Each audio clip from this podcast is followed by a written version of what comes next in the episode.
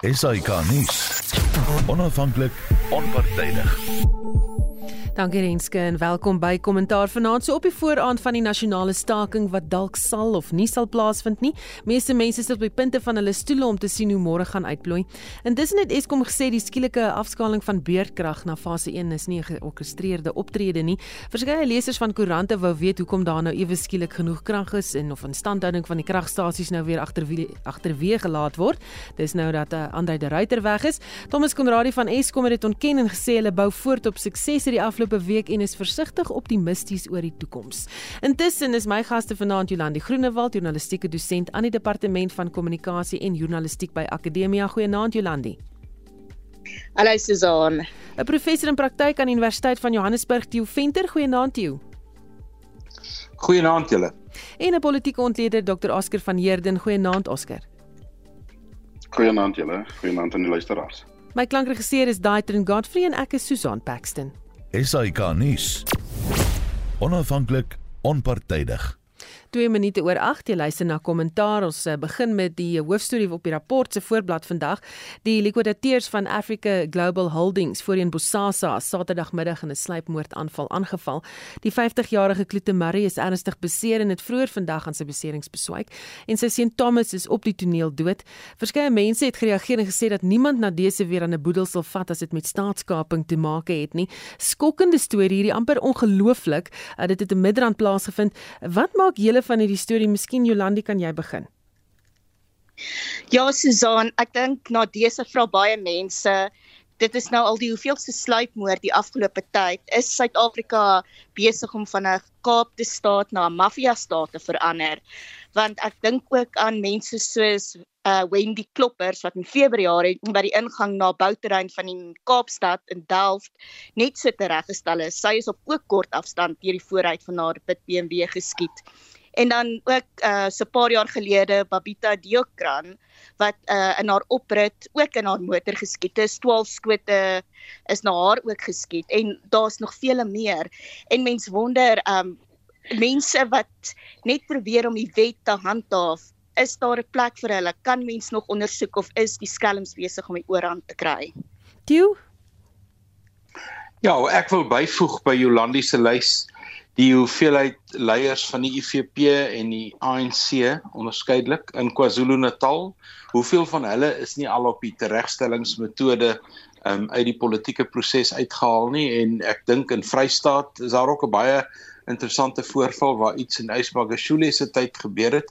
Dit is 'n geweldig bekommerenswaardige um, verskynsel hierdie en um, ek dink 'n mens kan sommer nou al 'n onderskeid tref tussen kom ons praat van politieke moorde en dan moorde wat meer van 'n besigheidsaard of uh die maffia styl wat Jolandi van gepraat het. Maar ek dink dit maak goeie mense bekommerd om aan die politieke proses of aan prosesse deel te neem wat deur die politiek gekontamineer kan word. En is goeie mense wegstap van noodsaaklike uh, verpligtinge en funksies dan het die slegte ouens al die oop deure wat vir hulle wag. Oscar, waar dink jy kom hierdie kultuur van sluipmoorde vandaan?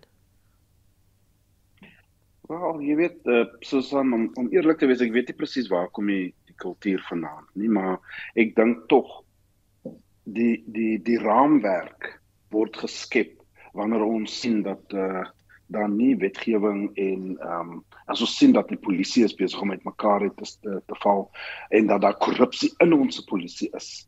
Ehm um, en so met ander woorde, jy skep 'n in in die samelewing skep jy eintlik 'n raamwerk wat sê gegee die feit dat ons nie noodwendig wette toepas en eh, en so voorts nie, dan uh, dink ek jy weet is daar spasie vir mense wat dan besluit om om die wet in hulle eie hand te vat en dan kry jy moorde, sluipmoorde en dis meer.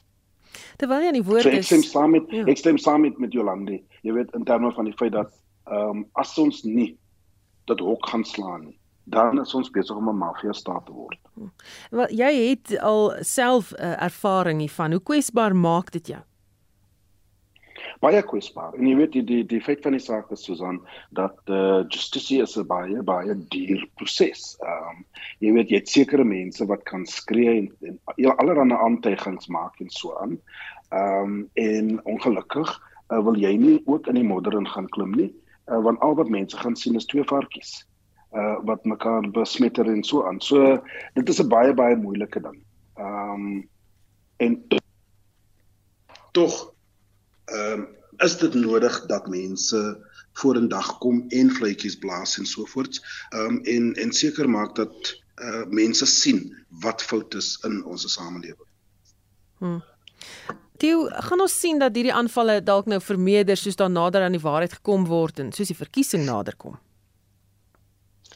Kyk, dit was 'n groot skok ehm um, toe dit nou bekend geword het gister en en vanoggend oor wat gebeur het, maar ek dink tog ehm um, daar is baie keer het 'n mens hierdie soort skokke nodig vir ouens om wakker te word om te besef hierdie proses kan nie so aangaan nie. As ek eh, ek het net nou oor KwaZulu-Natal gepraat oor die aantal ehm um, sluipmoorde wat al daar plaasgevind het. Dit het ook al in die Noordwes gebeur. Ek dink daar is daar is 'n noodsaak om strenger en ferm hierteen op te tree, maar die swak skakel in hierdie hele stelsel is deur Oscar uitgewys en dis ongelukkig die polisie. Ehm um, as daar nou in ons hele regsketting een swak skakel is, dan is dit wat daar gebeur het. Nie alleen swak ondersoeke nie, maar ook 'n voortsetting van ondersoeke. Ek dink ons lees te veel van dockets wat wegraak. Ons lees te veel van ouens wat in poste aangestel word om ander ouens te beskerm en dan moet 'n mens ook kyk na die manier waarop dit plaasvind. Ehm um, die ooggetuie ehm um, verslag sê mense op 'n motorfiets of motorfietsse wat verbyjaag en dan in, op jou skiet. Jy is totaal en al uitgelewer daarop. So ehm um, dit sê ek, vir my die die die hele die die die mense wat dit doen is opgelei. Het het het goeie vermoëns om uitvoering te gee aan wat hulle wil doen. Ja, en as ook Susan ons moet ook nie vergeet van van goeie polisie mense, goeie polisie manne wat hulle werk wil doen en dan word hulle uitgeskuif uit die organisasie uit. Nou hier praat ek van mense soos Jeremy Weary, ons praat van ehm um, Pieter Jacobs, generaal Johan Pieter generaal Johan Boysen. Presies, ons praat van van mense soos ehm um, uh, Anwar Dramat en en vele ander wat mense goeie polisiemanne wat hulle werk wil doen, maar gegee word die feit dat hulle gekant is en wat wat gebeur in die organisasie, word hulle eintlik net uitgeskuif. Ja. Reini sê hierso dat sluipmoorde is enorm in KwaZulu-Natal al dekades voor 1994. Dit is 'n lewenswyse en dan nog iemand wat 'n SMS stuur en sê maar die ryter se lewe is op die spel. Hulle gaan nie toelaat dat hy getuig nie. Wat dink jy Jolandi? Dit is ehm um, al hoe meer 'n neiging wat na vore kom. Ek dink die ryter se lewe was definitief in gevaar in Desember. Ek dink hy gaan nou bietjie meer laag lê uh nou dat hy uit Eskom uit is. Uh maar ek dink ook die ryter is nie die enigste een wat uh, wat weet wat aangaan in Eskom dat daar meer mense is. En dit is miskien ook 'n beskermingsmeganisme wat die ryter gebruik het om die uh die onderhoud te gee wat hy mense se name genoem het dat hy homself beskerm het en gesê dat ehm um, hy sê wat hy weet en dat dit want daar was ehm um, al klaar dreigemente op hom gewees. Ehm um, ek kyk ook nou vandag na Kloete Marie en al die sake wat hy ondersoek het. En dit is so moeilik eintlik om te sê presies wie kan daar agter wees want dit is 'n uh, omtrent al die kontroversiële sake wat hy ondersoek het in Suid-Afrika. Hmm. Ehm um, ek dink die minste kontroversiële een is die Kam Air, maar hy het die Gupta's ondersoek, hy het Bosasa ondersoek. Ehm um, hy het uh en hy was 'n bloedhond met die Bosasa saak. Hy het allerlei sente nagespoor wat hulle gehoop het van mense al vergeet het. So hy het verskriklik baie baie vyande gemaak. En as jy jou werk goed doen en staatskapers uitwys, gaan jou gelewe altyd in gevaar wees in hierdie nuwe uh, wêreld wat ons in leef. Hmm. Bly steeds 'n hartseer storie en uh, ja, ons is meegevoel met die familie daar. Nou nou 'n ander storie toe, Daily Maverick skryf uh, iemand vandag na 10 jaar van die pot roer is dit tyd vir die EFF om groot te word. Dit na aanleiding van môre se beoogde staking. Die sekuriteitsgroepering in die regering sê hy het 'n noodplan. Die openbare vervoersektor sê sy deure sal nie sluit nie en verskeie taksi-organisasies het ook aangedui hulle gaan nie aan die staking deelneem nie. Intussen het die weermag aangedui dat sy lede ook ontplooi sal word, maar intussen die verklaring terug getrek, maar oral sien mense dan ook weer mag voertuie rondry. So 'n bietjie van dit deurmekaar speel toe. Ja, dit is dit is dit deurmekaar speel, maar kom ons kom ons kyk net wat het ons voor ons ehm um, vir môre.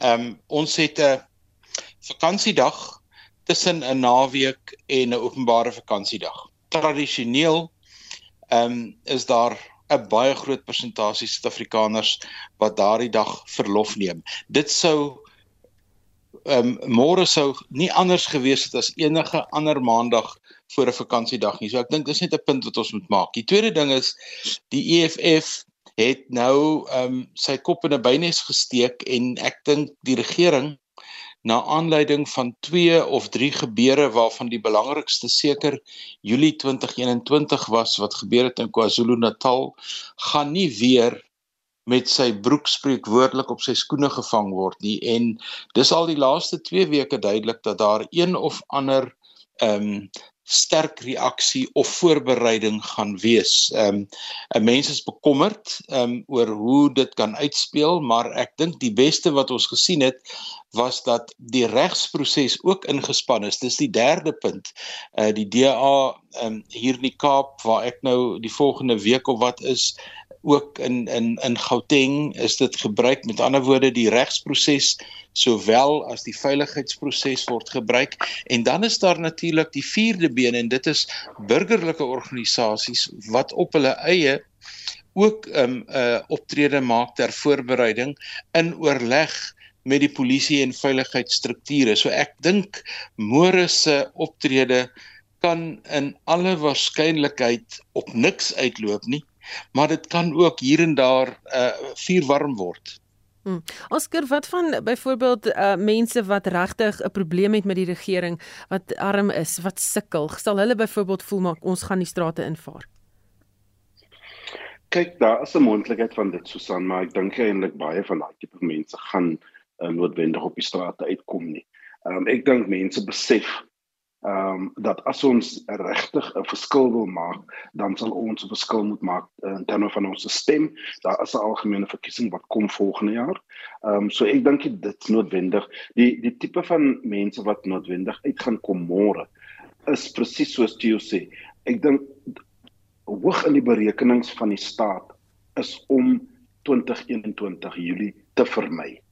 Ehm um, die die polisie het was was was verskriklik swak Ehm um, en natuurlik die weermag is ingeroep uh, om om op sekere areas en plekke te te wees. So ek dink hulle wil hulle wil Maar, maar eintlik by Nabat Oscar, die weermag was ja, gewoon nie in precies. staat om in 'n week te reageer nie. Nee presies.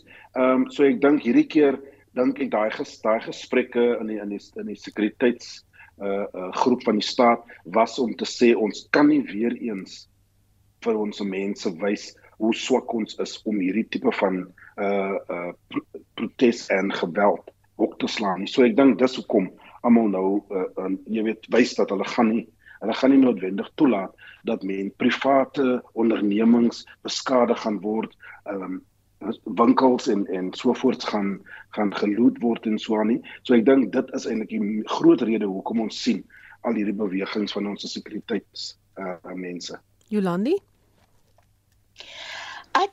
ehm um, dink uh, Malema het daarop gereken dat dit soort van 'n semi-vakansiedag is en dat hy sukses kan sê omdat almal kwansies weggebly het, maar eintlik het skole is gesluit, die uh, uh publieke skole is môre gesluit. So die kinders gaan in elk geval nie skool toe gaan nie. So uh ek weet nie eintlik hoe kan mense dan daar sê dit is dis 'n sukses nie. Ehm um, maar dit is duidelik om te sien die EFF gaan maandag sy bes doen om wel moeilikheid te maak oral waar hy kan en die vraag is waar gaan hy kan. Maar ehm uh, ek dink ook ons moet kyk dat Malema miskien 'n bloedbad soek om sy eie Marikana of Sharpeville te skep vir politieke Precies. kapitaal vir volgende jaar. Gaan Presies. en dan gaan hy EFF kaders se lewens as fodder gebruik om hom en sy party as die Suid-Afrikaanse martelaars van die Here voor te hou. En dit is wat ons moet pas op. Ek dink dit is 'n gevaar wat definitief kan gebeur. Tjoe, Ja. Maar. Jolandi as hy kom ons sê dit gebeur nie, het hy tog in 'n sekere sin oor die laaste week of 2 al die koerante se voorblaaie gehaal. So as hy hierdie ding beplan het as 'n mediaveldtog of as 'n bewusmakingsveldtog, dan het hy reeds geslaag. So dit moet 'n mens ook in berekening bring dat nie alles wat Malema sê of doen word geïmplementeer nie, maar die bewuswording en net soos wat die regering na die verkiesing volgende jaar kyk, ek dink Oscar het dit reeds genoem, kyk die EFF ook na die verkiesing volgende jaar. So dit is 'n uh, dit gaan 'n lang veldtog wees na Mei maand 2024 toe. Hm. Dis 'n belangrike punt wat jy daar maak oor die feit dat hy sekere sake belig en ek gaan bietjie terugkom daarna um, 'n bietjie later in die gesprek. Maar ek het 'n bietjie vroeër gaan gesels met professor Denien Smit, sy's 'n arbeidsregkenner van die departement handelsreg by die Universiteit Vrystaat oor wat presies die grondwet sê oor stakings en verantwoordbaarheid wanneer dit kom by staak en protesoptrede en die deelname daaraan. Nou die EFF het geen definitiewe plan van aksie van die party se kant af nie. So hulle het nie gesê almal moet op 'n spesifieke plek bymekaar kom en dan nou, jy weet, na 'n plek toe loop nie en dan 'n griefskrif oorhandig nie. Dis net almal moet nou maar so half bymekaar kom en deur die strate loop. Dit is die plan. So ek het net by haar gaan hoor wat sê die wet oor want ons almal sê altyd ons het 'n wetlike reg om te staak. So kom ons hoor gou wat sê professor Denien Smit oor hierdie uh, protesoptrede. in die eerste plek hierdie is nie maandag 'n staking hierdie is is eintlik protesoptrede. En ek dink in hierdie spesifieke geval was dit onduidelik wat hulle regtig wou gehad het. Ons moes staat gemaak het op wat die media sê en wat 'n mens hoor en wat gesê word. En onthou 'n politieke party kan nie 'n wettige optrede roep op sy eie in terme van protesoptrede nie. Ons weet nou SAFTU en 'n paar ander kleiner ehm um, vakbonde het reeds met Netlek geskakel wat 'n vereiste is om te sê goed, ons gaan nou deelneem aan hierdie hele optog, hierdie protesoptrede op Maandag.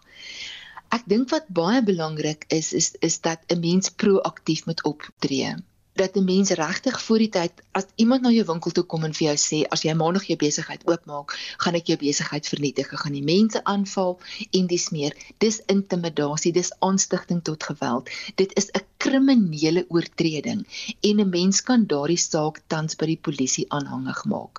Ons sien dat die Wes-Kaap het reeds aansoek gedoen om by in te dik om te sê, goed, julle of julle die EFF is of julle vakbonde is, julle kan nou maandag deur die strate loop en julle grief bekend maak want dit is jou reg en met reg daar is goed wat nie reg gaan nie.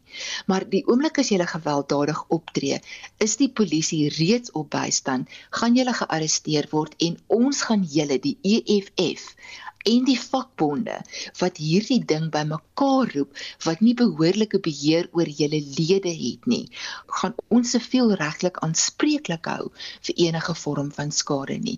En ek dink dit is wat 'n mens moet doen. Daar is 'n wet op byeenkomste byvoorbeeld wat sê dat die oomblik is daar meer as 15 mense bymekaar is, dan tree die bepalinge van daardie wet in werking wat aan die polisie redelike wye magte gee. Byvoorbeeld die mense wat maandag deelneem aan hierdie byeenkoms indien 'n mens dit so mag noem of protesoptrede, mag byvoorbeeld nie goeder dra sodat hulle identiteit nie bepaal kan word nie. Hulle mag nie wapens hê nie. Hulle mag nie gewelddadig optree nie. Hulle mag nie ander mense dwing om by hulle aan te sluit nie. En daar's geen wet in hierdie land van Suid-Afrika wat jou gaan toelaat om 'n besigheid te dreig, 'n mens te dreig om te sê as jy jou besigheid oopmaak, dra die gevolge daarvan ons gaan jou besigheid kom plunder nie. Wat van die persepsie onder ons mense dat as dit nie gewelddadig is nie, is dit nie suksesvol nie? Dis 'n groot probleem want nou blyk 'n kultuur in Suid-Afrika gevestig te wees onder vakbonde dat as 'n staking nie gewelddadig is of gesien word gewelddadig te wees nie, dat die staking nie suksesvol was nie. Ek vermoed hierdie hele probleem lê by die feit dat geweld in Suid-Afrika reeds so genormaliseer geraak het oor tyd. En 'n ou moenie vergeet nie, die verkiesing is baie naby en vakbonde sal baie doen om raak gesien te word om hulle getalle te vermeerder. En onthou dat die doen en late van vakbonde en die politiek kan nie noodwendig van mekaar geskei word nie. 'n Baie belangrike faktor is ook onthou, ons bly in een van die mees gewelddadige lande in die hele wêreld en hierdie persepsie bestaan beslis. En onthou die persepsie raak 'n realiteit. Hoe vergelyk ons sinema protesoptrede of stakings teenoor wat gebeur in die res van die wêreld? Kyk, baie lande het stakings, die meeste lande het stakings, maar hulle voorvereistes is anders as ons din. So as ons net vinnig byvoorbeeld gaan kyk na Australië. Australië sê voordat jy kan staak, moet 50% van die mense wat kan stem, meer as 50% moet stem ten gunste van hierdie staking voordat hierdie geheime stemming gehou word, moet daar vooraf goedkeuring van 'n arbeidstribunaal gekry moet word. Min of meer geselfde geld vir Kanada. So dis 'n baie lang pad wat gestap moet word en geen vorm van geweld word geduld nie. So ons het nou onlangs 'n gedragskode gekry in in terme van die reg. Dit is nie 'n gebiedende dokument nie, dit bevat net sekere riglyne juis om hierdie stakings te probeer reguleer wat met soveel geweld gepaard gaan. Maar dit word nie toegepas nie, soos met baie van die goed in die land. Daar's reëls en daar's regulasies voldoende, maar die toepassing is waar die probleem lê. Dit was professor Denien Smit, arbeidsregkenner van die departement handelsreg by die Universiteit Vryheid. Nou, die nou staking het ook die week gehaas veroorsaak. Dit het selfs gelei tot die dood van mense. Is dit reg hanteer deur beide die vakbonde en die owerhede? Kom ons gaan by jou Jolandi. Al ek sê dit in spite van die geweldige staking het Nahawo 'n goeie ooreenkoms uit die regering uitgekry wat partymense gesê het was absoluut onregverdig oor wat gebeur het met hierdie staking. Ek bedoel 'n 13-jarige pasiënt is uit 'n ambulans geruk, mense is geïntimideer en daar was 'n baie gevoel dat daar harteloosheid was by die stakers omdat hulle in die gesondheidssektor werk.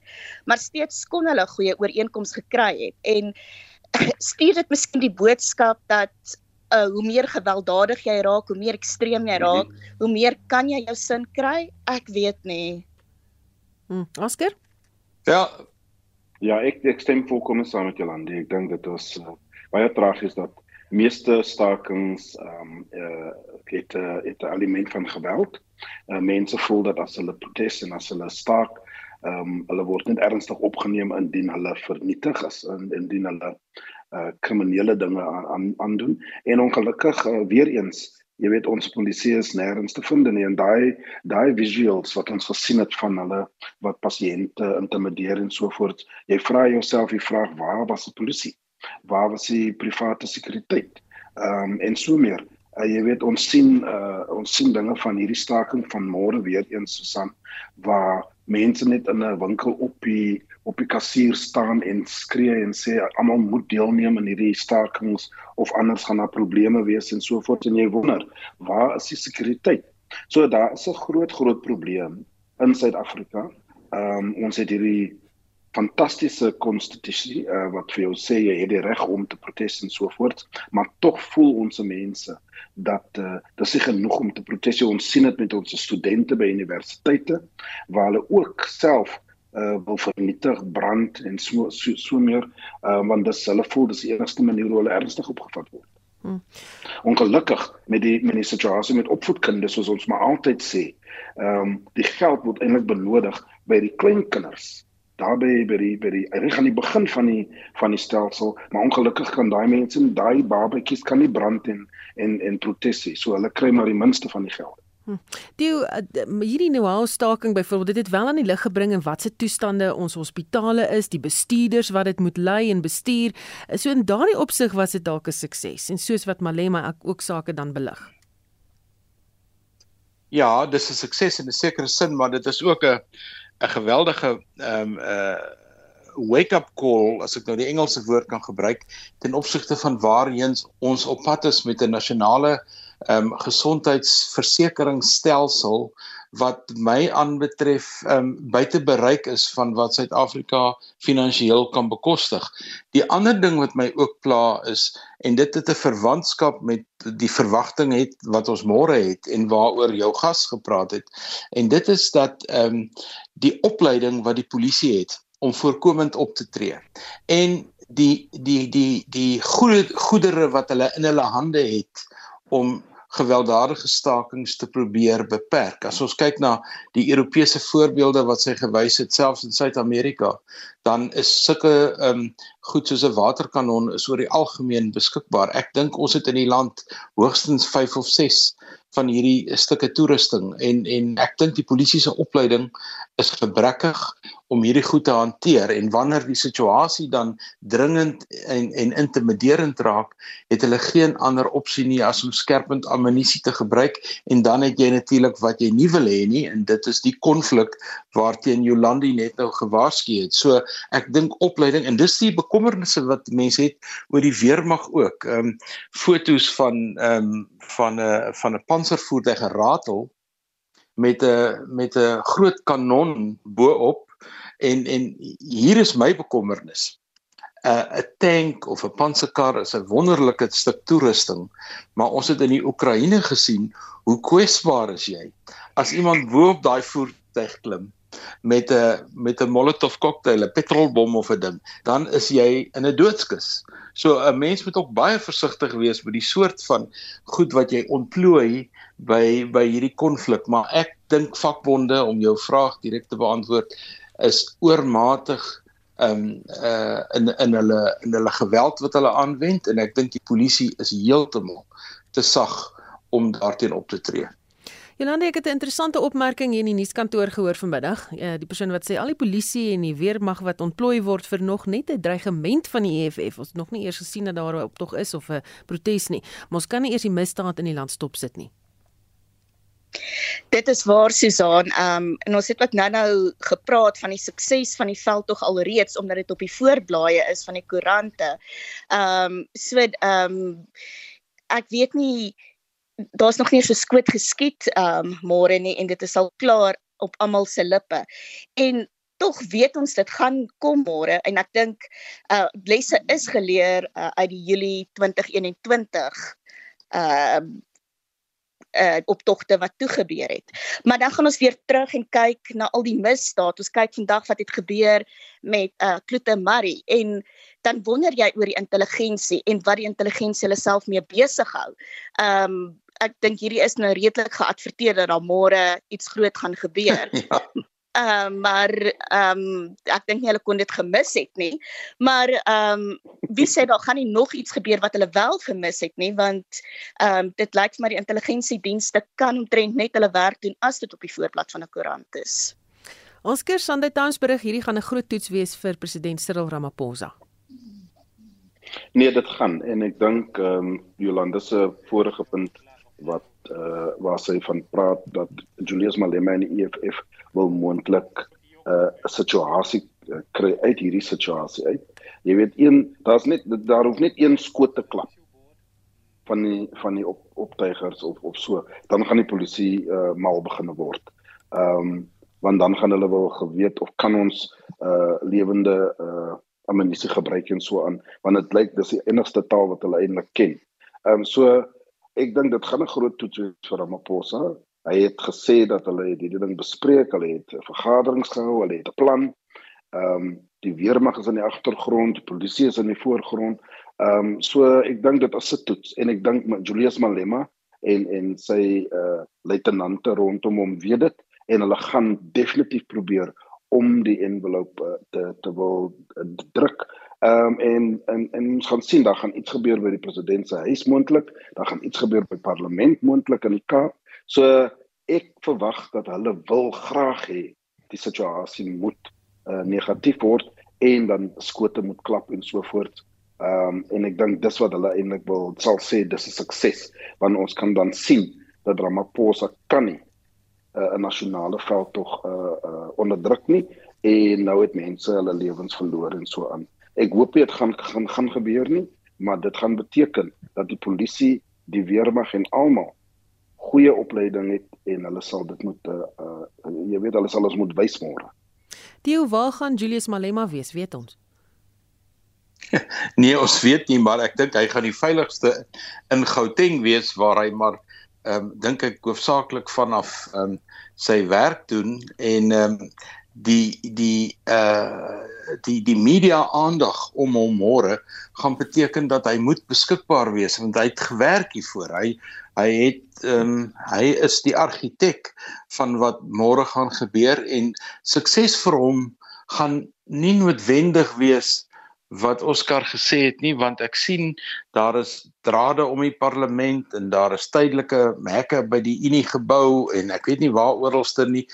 Ek dink die president sal nie by sy huis wees hoor hy mag dalk op 'n ander plek wees waar daar baie banke en kussings is. Ehm um, vermoere, maar ehm um, ek dink ek dink die ehm um, die die uh die die die media aandag is dink ek die groot wins wat wat hy gaan behaal. En ek dink eh, ehm um, die toets ek stem met die met die artikel saam wat hulle geskryf het oor die toets vir Ramaphosa is het hy die die vermoë en het hy die houvas om die stelsel so te bestuur? Sy eie mense sê agter die skerms hy het dit. Ehm um, daar is daar is baie van sy ehm um, raadgewers wat geweldige ehm um, vertroue in sy strategiese vermoë het. Maar ons wat van buite af binne toe kyk, deel nie altyd ehm um, daardie sogenaamde strategiese vermoë nie. Ek uh, ek is ek is bekommerd. Hy moet net nie dieselfde fout maak wat hy gemaak het destyds met die met die COVID uitbreking toe hy in 'n militêre uniform verskyn het op 'n uh, op 'n platform. Dit die enigste persoon wat swakker as hy was in 'n militêre uniform was Lindiwe Sisulu toe sy eendag in 'n vloot uniform op 'n parade verskyn het as die politieke ehm um, beheerbeampte van die weermag. Uh uh burgerlikes moenie dit doen nie. Hmm. Goed, kom ons gaan na 'n volgende tema toe. Die DA, die afgelope week in die parlement beweer dat dit David Mabuza, die voormalige adjunkpresident is waarna Andre de Ruyter verwys het as een van die twee ministers wat na bewering deel is van die korrupsie by Eskom. Die ANC sê dit is nonsens, maar die DA hou voet by stuk en sê dat uh, daar gaan nou eers weer gewag word dat Mabuza veilig in Rusland is voordat iets gedoen word, net soos in die geval van die Guptas. Nou Jolandi, dis 'n baie ernstige beskuldiging om te maak as jy nie bewyse het nie. Ja, met ehm um, uh die voormalige adjunk president Didi the Cat Mabuza het dit altyd weer die kat kom weer. Ehm um, want hy het nou al hy is oralster en net as jy dink hy is nou finaal en al sy nege politieke lewens is opgebruik, dan duik hy maar weer op. Maar natuurlik Steenhuisen het net sy naam genoem, daar was nie enige bewyse nie en die ANC het gesê ehm um, uh Mabuza moet hom dagvaar, maar natuurlik is daar parlementêre privilegie ehm um, dis Steenhuisen dit gesê het wat hom beskerm. So Steenhuisen kan nie gedagvaar word vir naamskending omdat hy net hmm. dit in die parlement genoem het nie. Maar nou wil ons almal weet waar's die bewyse, waar's die verslag want ons ons weet Mabuza het baie baie geraamd is in sy kas en Eskom uh se kragstasies lê in Mpumalanga waar uh Mabuza se hartland is waar al sy uh, uh sy support is. So ehm um, dat hy definitief miskien iets moes geweet het van wat aangegaan het by daai kriminele syndikaate wat uh die kragstasies saboteer uh, is absoluut moontlik. En mense sal moet sien wat verder hiervandaan kom, maar ja, Mabuza is nie 'n skoon ouetjie nie en ek kan dit absoluut glo, maar die bewyse moet gelewer word. Ja, Oscar, die feit dat die DA dit in die parlement gesê het en daai privilegie, met ander woorde dat jy daar min of meer kan sê wat jy wil en nie vervolg word nie, gaan dit hier van toepassing wees.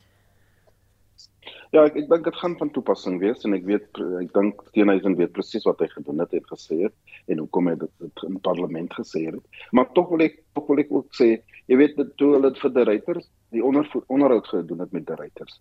Toe hy spesifiek gesê twee ministers. Jy weet en ek dink as dit as dit inderdaad Didi Mabuza is, dan dan is dit 'n bietjie misleidend. Ja, ek dink dat die ryter sal gesê het eh, 'n minister en 'n uh, uh, iemand hoor as dit. Jy Oscar, jy nog daar? Lyk vir my asof 'n koneksieprobleem daar of 'n uh, verbintenisprobleem. Tieu, waar stuur hierdie storie af? En steek Oh. Ja, ek dink ek dink die ehm um, uh, die toe toe Andre de Ruyter um, se se onderhoud gevoer is, was daar geweldig baie spekulasie in die media oor wie dit kan wees. Ehm um, selfs die senior eh uh, politici en so aan en en die voormalige adjunk president se naam is 'n paar keer genoem, maar ek dink dis die eerste keer wat dit nou ehm um, duidelik na vore kom dis wel in die parlement en ek dink dit gaan die druk net verder verhoog om te probeer uitvind wat aangaan maar terwyl ons ehm um, daaroor praat kom die hele storie van Kloete Murray weer na vore.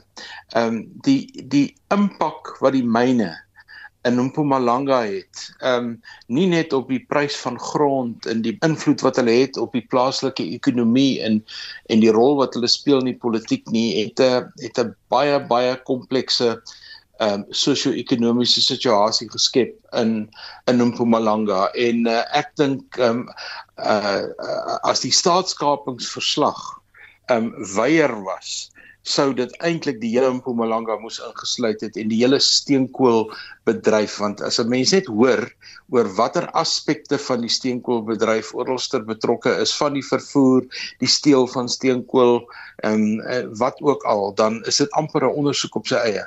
Hm. Ja. Oscar, wat was jou punt wat jy gemaak het? Jou lyn het ons daar uh, in die steek gelaat.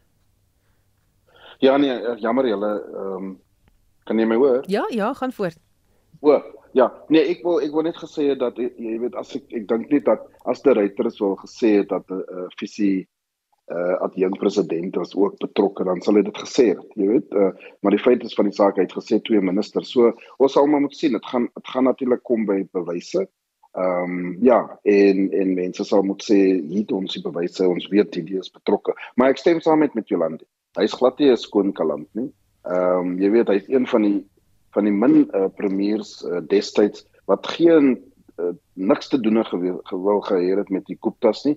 Uh, en die rede vir dit is omdat in Mpumalanga het hy sy eie Guptas gehad in terme ja. van die steenkool mafia en so voort. Hy het nie die die die, die Guptas nodig gehad om om geld te maak, onwettig geld te maak en so aan nie. So hy is glad nie skoon nie. Ehm um, maar ek dink net uh, jy weet ek dink ek dink nie noodwendig dis dis ja, ons moet sien wat sê die bewyse.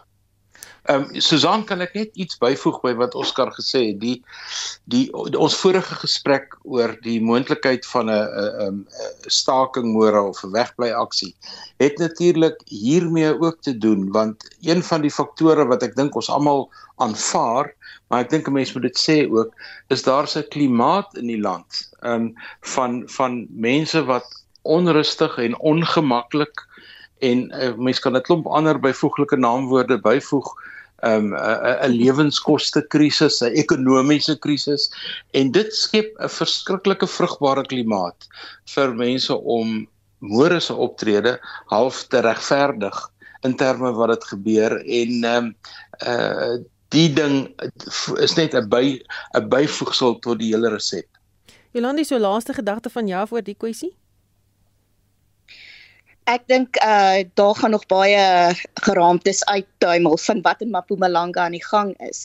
En ook met Mpumalanga se verandering, se groot verandering want steenkool is op pad uit en daar's te veel belange daar om dit te laat uitgaan. So ek dink dit is 'n broeiplek op die oomblik vir onrus in Mpumalanga met groot verandering wat gaan kom en die verskriklike verskriklike ehm um, belange wat politici en groot uh mynmagnate daar het om aan hulle belange vas te hou. Goed, dan van Mpumalanga na Gauteng toe en die Tshwane Metro in Pretoria was weer in die nuus die afgelope week weens gebeure in die koalisie. Onsekerheid heers steeds oor sake daar nadat die DA Vrydag aand uit 'n spesiale sitting geloop het en daar toe nie 'n quorum was om die burgemeester te verkies nie. Um Oscar, wat maak jy van al daai gebeure? Dit voel vir my so amper as jy ietsie doen as 'n party, dan gaan ek nou 'n teenreaksie hê as 'n ander party en en ook net maar half amper kan ons sê daai Engelse woord spiteful wees. Ja, ek dink jy's reg Susan. Jy weet, dis kinderagtig wat gebeur in Tswane en dit maak 'n uh, uh, uh, reël mockery van van ons demokrasie. Ehm um, die feit van die saak is soos ek al ten talle talle kere gesê het ons het 'n groot groot probleem met koalisiepolitiek. Jy weet ek sê altyd vir mense is is goed en wel om te sê die ANC moet 'n les geleer word, die ANC moet verloor in 2024 en so aan, maar ons moet eerlik en en en baie objektief die vraag vra wat dan? Ek sê nie ek sê nie die ANC is ons oplossing nie, maar ons moet ons moet ons op koppe bymekaar sit en en regtig dink oor hierdie koalisie politiek van dit dit blyk my as ons kyk na Kabega, ons kyk na Tshwane, Johannesburg, jy weet al daai metros het nou al deur hulle koalisie uh uh politieke gegaan. Um DA en EFF en, en ander koalisies en die ANC en anders en die en dit werk nie. Dit werk nie. Die die die individuele partye se belange, hulle wil nie uh compromise en dit is 'n groot groot probleem. En wat ons nou sien in Tshwane is hoe dit eintlik nou in in in die regte tyd uitspeel. En dit en jy's jy's absoluut reg dis spytvolheid. Uh, dit julle wil dit gedoen het so ons gaan dit doen nie is, is kinderagtig. En en en die mense wat natuurlik die swaarste daarvan afkom is ons burgers in Tshwane metro. Hm. Want die dienslewering word geaffekteer. Die hoe dringend is dit dat die metro begin vlot in die hoofstad? Kyk, is baie belangrik. Ehm um, as 'n mens kyk na koalisiepolitiek in die breë, dan 'n koalisievennote gewoonlik een of ander soort beleidsooreenkoms met mekaar of 'n 'n gemeenskaplike beleidsraamwerk. Hulle hoef nie dieselfde te dink nie. Ehm um, wat ons in Suid-Afrika nou sien in ons metros is nie dit nie. Dis nie beleidsraamwerke nie. Dit is dis brutale magspolitiek. Met ander woorde, die EFF en die ANC het gesamentlik te min stemme om in Swane oor te neem. Dis die gegewe. Die oppositiegroepering het meer stemme, maar toe gaan die DA en hulle doen 'n baie dom ding deur hulle stembriefies te te nommer en en dit oortree eintlik die reëls van van die die OVK en verkiesing want um, alhoewel jy 'n nommer op jou stembriefie mag skryf sê die verkiesingswet ook op so 'n manier dat jy nie herkenbaar is nie. In daai deel het hulle natuurlik nou oortree en dit het nou vir die ehm um, vir die ANC 'n voordeel gegee en ek dink die wegbly van die DA was 'n poging om bietjie asem te skep, 'n kantlyn skoppie as dit mense dit kan noem, maar ehm um, dit gaan nog 'n tydjie duur. En die volwassenheid waarvan ons praat wat nodig is in koalisiepolitiek is die wegbeweeg van die brutale magspolitiek na beleidspolitiek. Want wat as mens na beleid kyk het koalisieregerings tog voordele want dit versag beleid die DA kan nie sy absolute beleid um, uitoefen nie ook nie die ANC nie en dit het 'n voordeel vir die kiezer. Hm. Um Iland hierdie gebeure het nie net probleme binne die koalisie belig nie, maar ook binne van hierdie partye soos Action SA en Cope en die kwaliteit van kandidaate wat in die partye is absoluut Susan. Ehm um, ek kyk ook hierdie week na ehm um, uh die ouetjie Baloy ehm um, wat bedank het Mongani Baloy van Action SA uit Action SA uit. En ehm um, die gemors van uh onderhandeling wat hulle gedoen het met die ANC en die EFF en Action SA is nie ehm um, publiek in die publiek so ge um verbind met die ANC en die EFF nie en toe um Bongani Baloyi nou bedank en sê daar was bietjie uh onderhandelinge agter die skerms, maar as dit misluk het, dan sou um hy as die sondebok uitgewys geword het. Het gewys daar's probleme met Action SA ook en hoe om koalisiepolitiek te beoefen. Dit is 'n baie morsige storie. En um ek dink ook die nie een van die vennote vertrou mekaar reg uh op die oomblik nie. Wat baie baie sleg is en dit is hoekom die uh uh die DA hulle uh, stembriewe wel gemerk het want hulle wil weet vir wie het vir wie gestem want jy kan nie eers mense in jou eie party meer vertrou om wel te stem volgens die mandaat nie. Ehm um, sal jy bring sê uh hulle merk dit want ehm um, jy moet verantwoordbaar wees teenoor die party wat 'n mandaat uh, gekry het van die kiesers en maar die OVK stem nie daarmee saam nie. So met volgende jaar wat wink en ook ehm um, wat ons teen 'n koalisieregering gaan kry, wonder mens hoe gaan hierdie koalisieprobleme uitgestryk word op die ou einde? Hoe gaan hulle leer om mekaar te vertrou? Hmm. Net so laaste ja, vraag daar. Vertrou is uiters ja. uiters belangrik. Oscar, terwyl jy aan die woord is, wat maak jy van berigte dat die Vryheidsfront Plus en Action SA wil saamsmelt? Saamsmelt. Kyk ek Ja, ek ek lag saam met jou Oscar. ja, ek ek ek ek dink dit is dis dis 'n dis 'n werk. Dis dis 'n plan wat gaan werk nie. Ehm um, uh nee. Uh, ek dink wat wat belangrik is, ons ons moet natuurlik 'n fees vier rondom die feit dat ons uh, verskriklik baie klein uh, partye het, uh, oppositiepartye en ek dink dit is belangrik vir ons demokrasie. Maar ons kan nie uh, soos Jolandi sê ons kan onder vertroue is uiters belangrik. Jy weet, eh, soos soos Theo ook nou verduidelik. Dit beteken nie ons is nou beste van mate nie. Ehm um, maar gegee word die feit dat ons hierdie getalle het, ons het hierdie persentasies, ons kan 'n koalisie regering vorm en ons kan die beste doen vir hierdie gemeenskap, vir hierdie metro of vir hierdie wijk. Ehm um, en en ek dink dis baie dis daai maturity wat wat wat, wat waarvan ons hmm. praat hmm. en ek dink dit dis daar nie. Ehm um, jy weet uh, vir by byvoorbeeld dat ek nou 'n kontroversiële ding sê uh, Susan, die feit dat die DA alreeds sê ongeag die uitkom van 2024 se algemene vergadering, hulle sal nooit in 'n koalisie met die ANC intree nie. Ek dink dit is net die uh dis nie wat hoe vir wat sinne se uh, optree nie. Ehm um, uh, jy weet jy kan nie so beginsel hê nie, nie as jy demokrasie wil sien uh voortgaan in ons land nie. Ja. Uh wat betref die Vryheidsfront Plus en uh jy weet uh Action is eise se samesmelting was so klein beriggie gewees vandag en uh daar het Pieter Groenewald die leier van Vryheidsfront Plus gesê oor sy dooie liggaam. Hulle sal hom eers moet verwyder as die leier. so jou vinnig jou reaksie toe. Nee, ek dink hulle het vir Pieter ehm um, uh, reg aangehaal.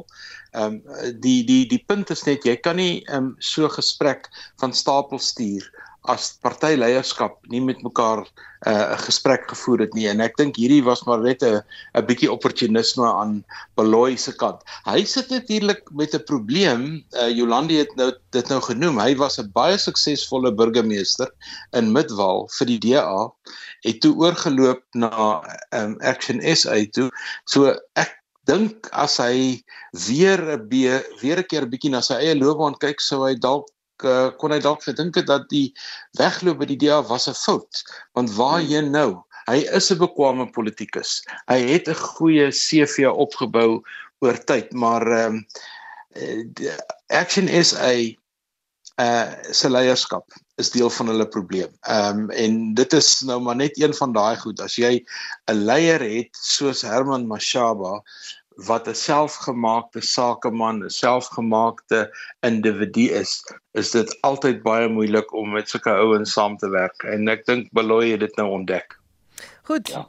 Bly ingeskakel net hierna, dan praat ons oor die lasbrief wat uitgereik is vir Vladimir Putin.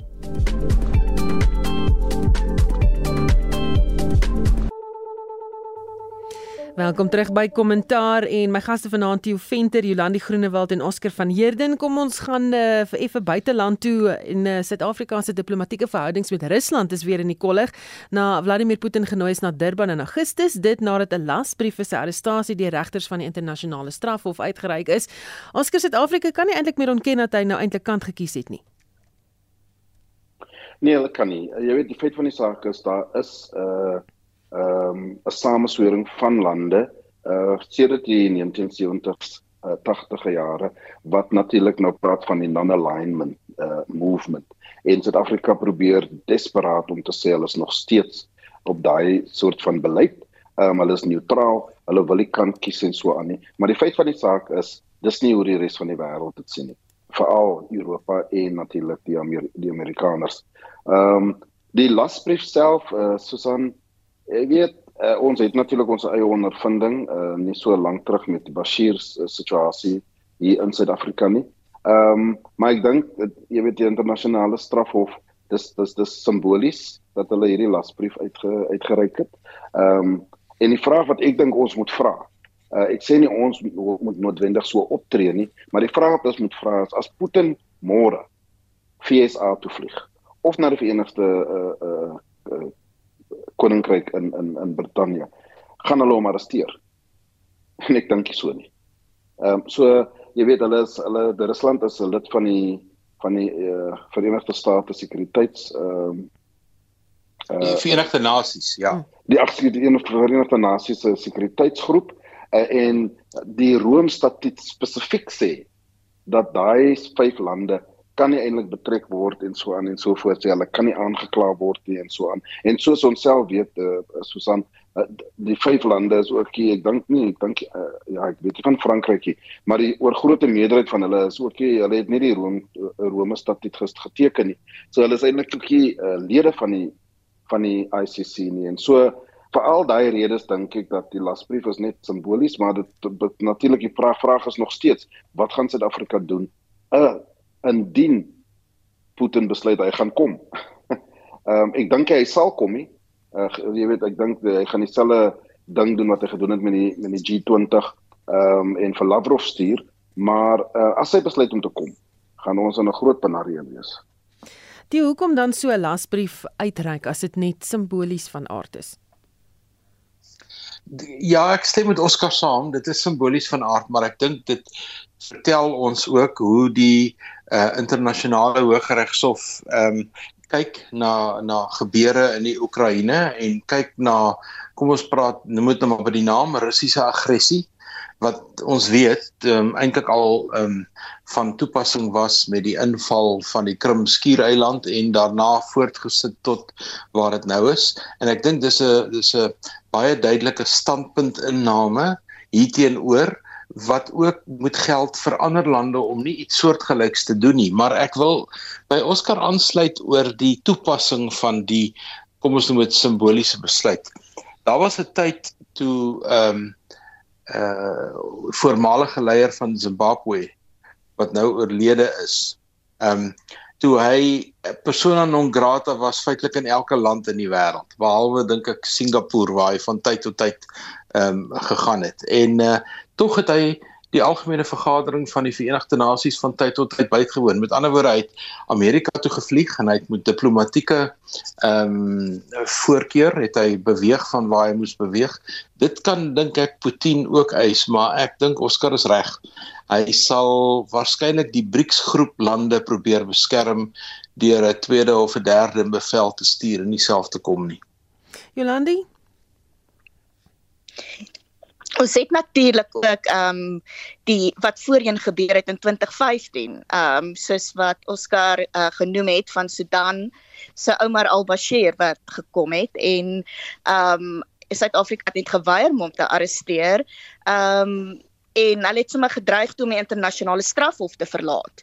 Maar ehm um, op die ou einde is dit nie so maklik om die internasionale strafhof te verlaat nie, want die parlement moet dit nog bekragtig. Dit is nog nie gedoen nie. Die appelhof het gesê ehm um, ons moet vir al-Bashir uh, gearresteer het. Ehm um, maar dit was nou ehm um, te laat trane toe gewees.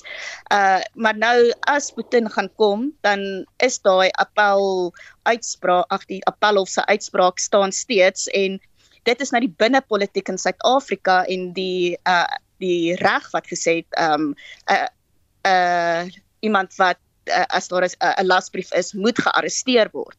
Maar ehm um, die internasionale politiek ek, ek kan ook nie sien ek stem absoluut saam met u en Oscar dat ek kan nie sien dat Suid-Afrika vir Putin sal arresteer as hy kom nie.